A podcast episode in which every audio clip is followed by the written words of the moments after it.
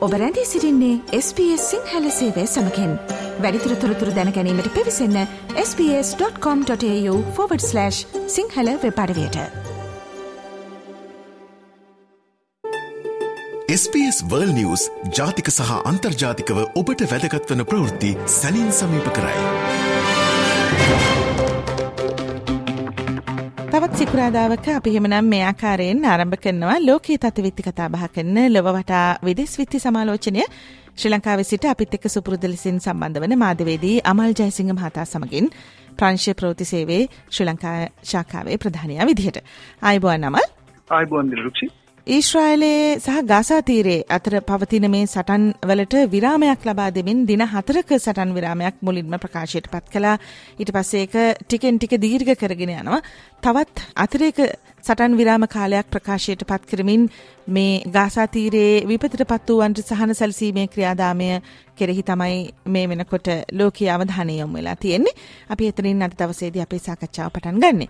මේ සටන් විරාමය දිගින් දිගටම දීර්ඝ කරලීමට දෙපාර්ශ්වයේම එකඟ වීම ටිකක් සතුටුදායක කාරණාවක් විදිහට අපිට දකින්න පුළුවන් නමල් දෙපැත්තෙන්ම වාර්තාවන තොරතුරු මොනවද මේ වෙනකොට?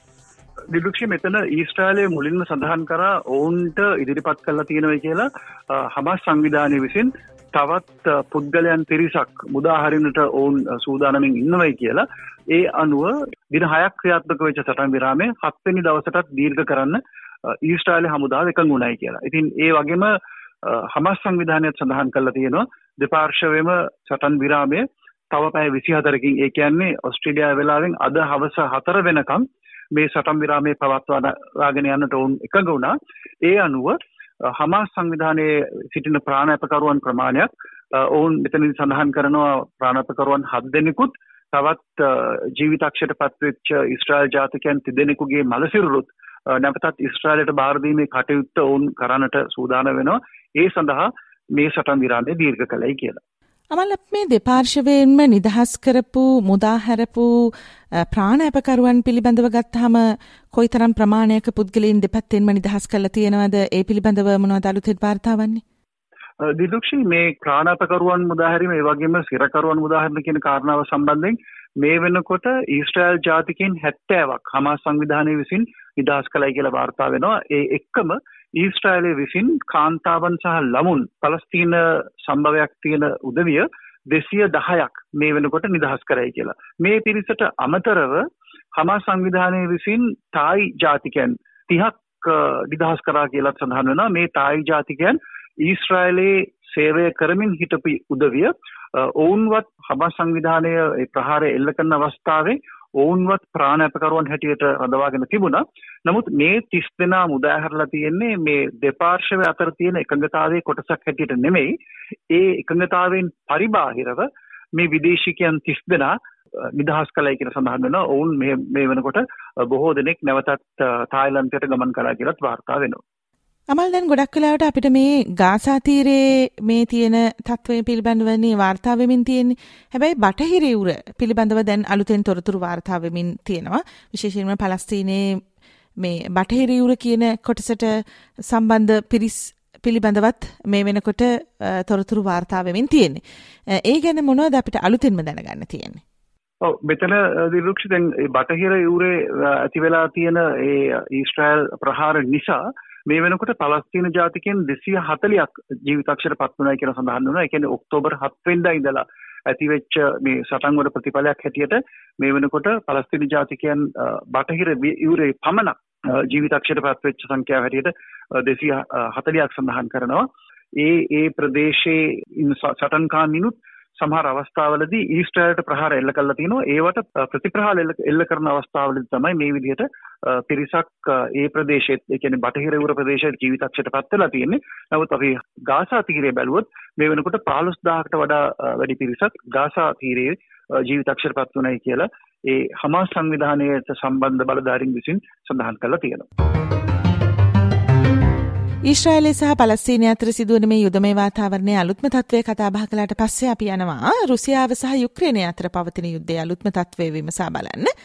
දැන් දැන් වෙනකොට නම් ලොකුවට වාර්තා වීමක් සිදු වෙන්නේ නැහැ යුක්‍රේනයේ පැත්තෙන් හෝ රුසියාව පැත්තෙන් සිදුවුණු අලාභහානි පිළිබඳව දෙපාර්ශ්වය අතර සිදුවන සටන්වලදී. නමුත් යම් යම් තොරතුරු වාර්තා වෙමින් තියෙනවාමල්. මේ සතිය වෙනකොට මොනවද ඒ පාර්ශවය පැත්තෙන් අපිට දැනගන්න තියෙන්නේ?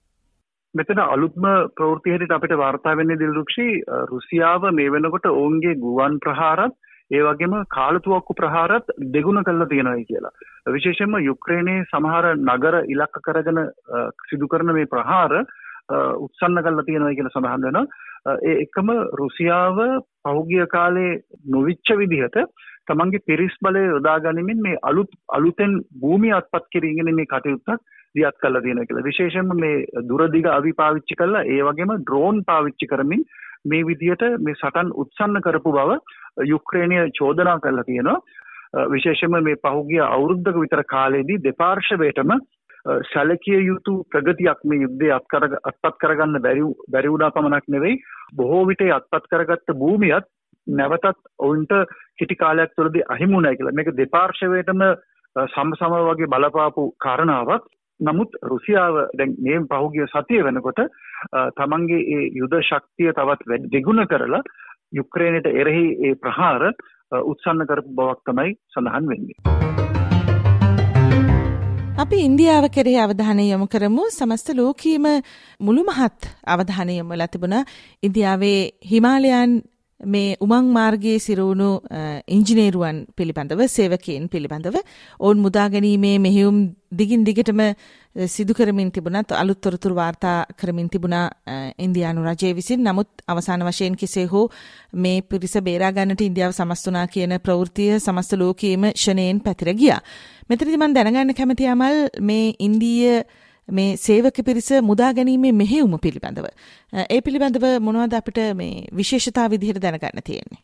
දිලුක්ෂි මේ මෙහෙයුම දින 17ක් ගත වුණා ඔවුන්ට මේ සේවකයන් 41 දෙනා නිරුපද්‍රිතව මුදවා ගන්නට.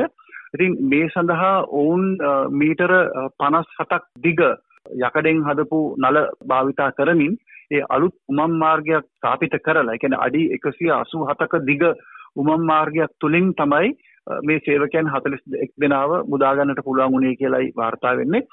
විශේෂයෙන් මේ උදවිය එළියට ගෙනීම සඳහා පාවිච්චි කරපු ක්‍රම හැම දිහා බලපුවහම ඔවුන් බොහෝ අවස්ථාවල අපි දන්නවා තායිලන්තේ අර ළමුන් පිරිසක් ෆුට්බෝල් කණ්ඩායමක් ගුහාවක් ඇතුලේ හිරවෙච්ච අවස්ථාවේදී ඔවුන්ව එළියට ගන්න උදව් වෙච්ච ඒ බ්‍රිතාන්‍ය සමාගමක් ඒ වගේම තායිලන්තේ සමාගමක් අන්න ඒ වගේ අයගෙත් උපදෙස් ලබාගෙන තමයි මේ සේවකයන් සංඛ්‍යාව නිරුපද්‍රිතව එළියට ගැනීමට ඔවුන්ට පුළුවන් වුණේ කියන කාරණාව සඳහන් කරලා තියෙනවා. ඉතින් මේක දින 17ක් මුළු ලෝකයේම අවධානය යොමු වෙච්ච කාරණාවක් උත්තරාකාන්ඩ් කියන ප්‍රාන්තයේ හිමාලය ආශ්‍රිතව තමයි මේ සිද්ධිය සිද්ධ වුණේ. අනිත් එක දිලුක්ෂි මේ සේවකයන් කටයුතු වැඩ කරන අතරතුරේදී මේ ප්‍රදේශයේ බොහෝ අවස්ථාවලදී භූචලන සිදුවීම නිසා තමයි මේ විදිහට ඔවුන් ඒ උමග ඇතුළ කටයුතු කරමින් ඉන්න අවස්ථාවේදී උමගේ කොටසක් කඩා වැටීම නිසා ඔවුනට එළියට එන්න බැරි විදිහට ඔවුන් ඒක ඇතුලේ හිර වුණේ. නමුත් ඉන්දිය බලධාරීන්ට හැකි වුණා ඕ මේ සේවකයන් නිරුපද්දිත ඉන්න බව තහවුරු කරගෙන පසුව මේ විශාල පැය 24ම දියත් කරපු මේ මෙහෙයුමක ප්‍රතිඵලයක් හැටියට ඔවුන් සියලු දෙනාම නිරුපද්දිතව බේරගන්නට ඔවුන්ට හැකි වුණා. මීළඟට ඉන්දියාව කෙරෙහි අවධානය යොමු කරන තවත් ප්‍රවෘත්තියක් කෙරෙහි මීළඟට මගේ අවධානය යොමු වෙනවා. ඒ තමයි ඔබට මතක ඇති මීට කලිනුත් ඉන්දියාවට එල්ලුණා චෝදනාවක් ඉන්දියාවේ පංජාබ් ප්‍රාන්තය වෙනම රාජ්‍යක සංකල්පයට යමින් තියෙනවා අපි ඒ පිළිබඳව කතා බහ කළා. මීට කලින් කාලිස්ථානය නමින් ඔවුන් මේ පංජාබ් ප්‍රාන්තය වෙනම පාලනයක් අවශ්‍යයි කියන තැනට ගෙන යමින් සිටිනවා විවිධ උද්ඝෝෂණ පවත්වමින්. ඔස්ට්‍රේලියාවෙත් මෙල්බර්න් නගරයේ දැවන්ත උද්ඝෝෂණයක් මේ සම්බන්ධව පැවැත්වුණා. ඉන්දිය රජයට පක්ෂපාතී ඉන්දිය පිරිස් සහ කාලිස්ථාන වෙනම රාජ්‍යයට පක්ෂපාතී ඉන්දියවරුන් අතර දැවන්ත ගැටුමක් මෙල්බර්න් නගර මැද්දේත් සිදු වුණා. මීට මාස කිහිපයකට කලින්. ඒ ආසන්නයෙන් වගේ මේ වසරේ ජූනි ජූලි වගේ වෙද්දී අපිට තවත් ප්‍රවෘත්තියක් වාර්තා වුණා. මේ ඉන්දියාවේ මේ කාලිස්ථානය කියන මේ වෙනම රාජ්‍ය සංකල්පයට විදේශගතව සිට උදව් කරන පංජාබ් පසුබිමක් සහිත මේ සික්වරුන් ඝාතනයට ලක් කිරීමේ යම් වැඩසටහනක් ක්‍රියාත්මක වෙනවා කියලා. එහා සම්බන්ධ වන සිදුවීමක් විදිහට අපිට වාර්තා වුණා කැනඩාවේ සිටින හාදිප් සිං කියන මේ මේ බෙදුම්වාදයට සහයෝගීත්වය ලබා දෙන මේ ඉන්දිය ජාතිකයා ඝාතනය කරන්නට ඉන්දිය රජය මැදිහත් වුණා කියලා මේක කැනඩාව විසින් ඉන්දියාවට දැවන්ත චෝදනාවක් විදිහට එල්ල කළා දෙරට අතර විශාල වශයෙන් මතභේදාත්මක තත්වයක් පවා උද්ගත වුණා ඔබට මතක ඇති අපි කතා බහ කළා මේ ගැන. දැන් තවත් ප්‍රවෘත්තියක් වාර්තා වෙනවා මේ වගේම. කාලිස්ථාන් මේ වෙනම රාජ්‍ය සංකල්පයට උදව් කරනවායයි කියලා පැවසෙන ඇමරිකාවේ සිටින මේ සික් ජාතික පුද්ගලයෙකු ඝාතනය කරන්නට ඉන්දියාව සම්බන්ධ වුණා කියලා ඇමරිකාවෙන් දැන් චෝදනාවක් තියෙනවා. මල් මොකක්ද මේ දෙවන වතාවටත් අපිට අර කලින් සිදුවීම හා සමානවම ඇහෙන සිදුවීම මේ ඇමරිකාව පැත්තෙන්. කවුද මේවට මූලික වෙලා තියෙන්නේ? ඒ පිළිබඳව වන තොරතුරු කොයි විදිහෙන්ද වාර්තා වෙන්නේ? ඔව් මෙතන දිල්වික්ෂර මීට කලින් කැනඩාව චෝදනා කරපු එකත් එක්ක බලපුවහම වෙනසකට තියෙන්නේ ඒ අවස්ථාවේදී කැනඩාවේ පුරවැසියෙක් ඉන්දිය සම්භවයක් තියෙන එහෙම නැත්නම් පංජාබ් සම්භවයක් තියෙන ඒ කැනේඩියානු පුරවැසියෙක්ව තමයි ජූනි මාසේ ඝාතනයට ලක් කරලා තිබුණේ. ඒ ඝාතනයට ඉන්දියාවේ රජයේ ඍජු සම්බන්ධතාවයක් තියෙනවා කියලා තමයි කැනඩාව චෝදනා එල්ල කළේ. මේ අවස්ථාවේදී ඇමරිකාව සඳහන් කරලා තියෙනවා නිකිල් ගුප්තා කියන ඉන්දිය ජාතිකයෙක් ඔහු ඇමරිකානු සහ කෙනේඩියානු පුරවැසිභාවය සහිත පංජාබ් ප්‍රාන්තයේ මේ සටන්කරුවට එහෙම නැත්නම් පංජාබ් ප්‍රාන්තයේ වෙනම රාජ්‍යයක් ඕනයි කියලා ඉල්ලන කණ්ඩායමක නායකයෙක්ව ඝාතනය කරන්න සැලසුමක් තිබුණයි කියලා. ඉතින් මේ ඝාතන සැලසුමට සම්බන්ධ එහෙම නැත්නම් මේකේ ප්‍රධාන සැකකරු හැටියට හඳුන්වා තියෙන නිකිල් ගුප්තා කියන මේ ඉන්දියානු පුරවැසියා මේ ඔහු අත්අඩංගුවට ගැනීමට ඇමරිකාව විසින් වරන්තුවක් ලබාගෙන තිබුණා. එහි අනුව චෙක් රාජ්‍යයේදී ඔහුව අත්අඩංගුවට අරගෙන දැන් ඇමරිකාවට නැවත පිටුහල් කිරීමේ කටයුත්ත ඔවුන් ආරම්භ කරලා තියෙනවා. ඉතින් මීට අමතරව ඇමරිකාවේ රජය ප්‍රකාශ කරලා තියෙනවා මේ ඝාතන කුමන්ත්‍රණයට ඉන්දියාවේ රජයේ නිලධාරියෙකුත් සම්බන්ධයි කියලා. කවුද මේ නිලධාරියා? එහෙම නැත්නම් ඔහු බුද්ධ්‍යංශ පුද්ගලයෙක්ද කියන කාරණාව අනාවරණය කරලා නැහැ. නමුත් මේ විදිහට ඇමරිකාව තුළ පංජාබේ වෙනම රාජ්‍යයක් අවශ්‍යයි කියලා ඒ ඉල්ලීම කරන පුද්ගලයන් ඉලක්ක කරගෙන ඔවුන්ට ප්‍රහාරයක් එල්ල කරන්න සූදානම් වුණා කියන චෝදනාව මත තමයි මේ විදිහට ඇමරිකාව මේ නිකිල් ගුප්තා කියන පුද්ගලයාව චෙක් රාජ්‍යයේදී අත්අඩංගුවට අරන් තියෙන්නේ. මේකත් එක්කලා මේ වෙනකොට කැනඩාව සඳහන් කරලා තියෙනවා. ඔවුන් මීට කලින් අවස්ථාවේදී ඉන්දියාවට මේ චෝදනා එල්ල කරපු එක සාධාරණයි.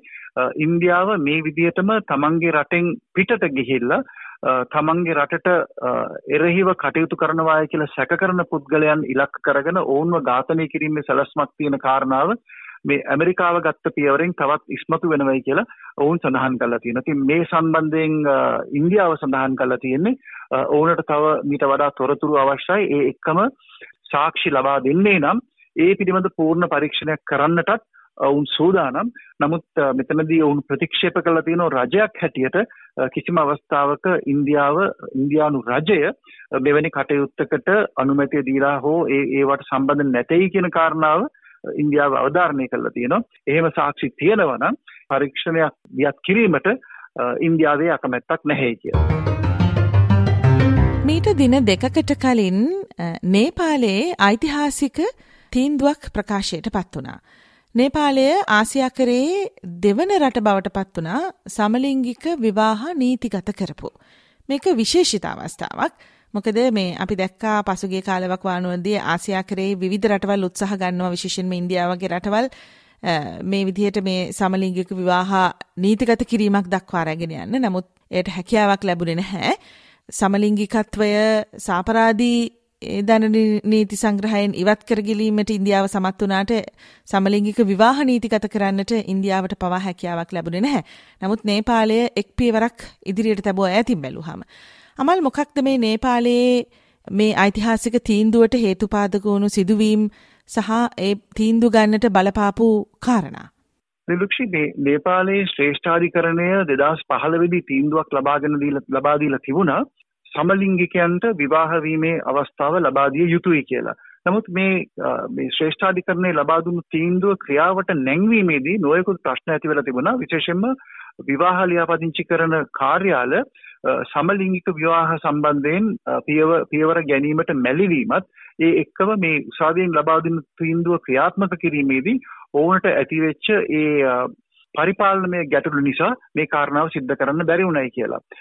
නමුත් පෙරේදා වෙනකොට යුවලක් මේ විදිහට නේපාලේ ප්‍රථම වතාවට සමලිංගික විවාහයකට ඇතුළත් වුණා. ඒක රජයේ විසින් නිසි පිළිගැනීමක් ඇති කරලා ඔවුනට විවාහ සහතිකයක් ලබා දුන්නා. මෙතනද මේ විදිහට මේ ඉතිහාසගත වන යුවල තමයි මායා ගුරං සහ සුරේන්ද්‍ර පාණ්ඩේ ගුරං කියන්නේ අවුරුදු 41ක සංක්‍රාන්තික කාන්තාවක්. පාණ්ඩේ කියන්නේ අවුරුදු 27ක පිරිමි කෙනෙක්. මේ දෙපළට මේ ඔවුන්ගේ විවාහය ලියාපදිංචි කරන්නට හැකි වුණේ අවුරුදු 6කට පසුයි 2017 දී ඔවුන් හින්දු ආගමික චාරිත්‍රානුකූලව විවාහයකට ඇතිවලා තිබුණා. නමුත් ඒක නීත්‍යානුකූලව පිළි අරගෙන තිබුණේ නැහැ. නමුත් මේ පෙරේදා ඔවුන්ගේ විවාහය සම්බන්ධයෙන් සහතිකය ලබා දීමත් එක්කලා ප්‍රථම වතාවට ඔවුන්ට ඉතිහාසයට ඇතුල් වෙන්න පුළුවන් වුණා. ආසියානු කලාපයේ දෙවන රට හැටියට සමලිංගික විවාහ නීතිගත කරන. ප්‍රථමයෙන්ම මේ කාරණාව සිද්ධ කළ තිබුණේ 2019 තායිවානයේ.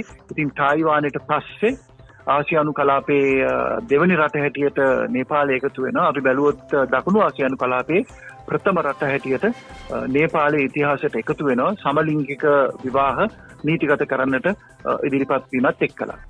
බොහොම ස්තුතියි අමල්. මේ සතිය පුරාම ලෝකයේ විශේෂතා සමීප කරන්නට අපිට ලෝ වටා විදෙස් විති සමාලෝචනය සමගින් එකතු වෙලා මේ කරුණු ඉදිරිපත් කිරීම පිළිබඳව අපි එහෙමනම් යාලිත් හමුවෙමු ලබන සතියේදී මේ විශේෂාංකයෙන්. ආයිබෝවන්. ආයිබෝවන් දෙකුච්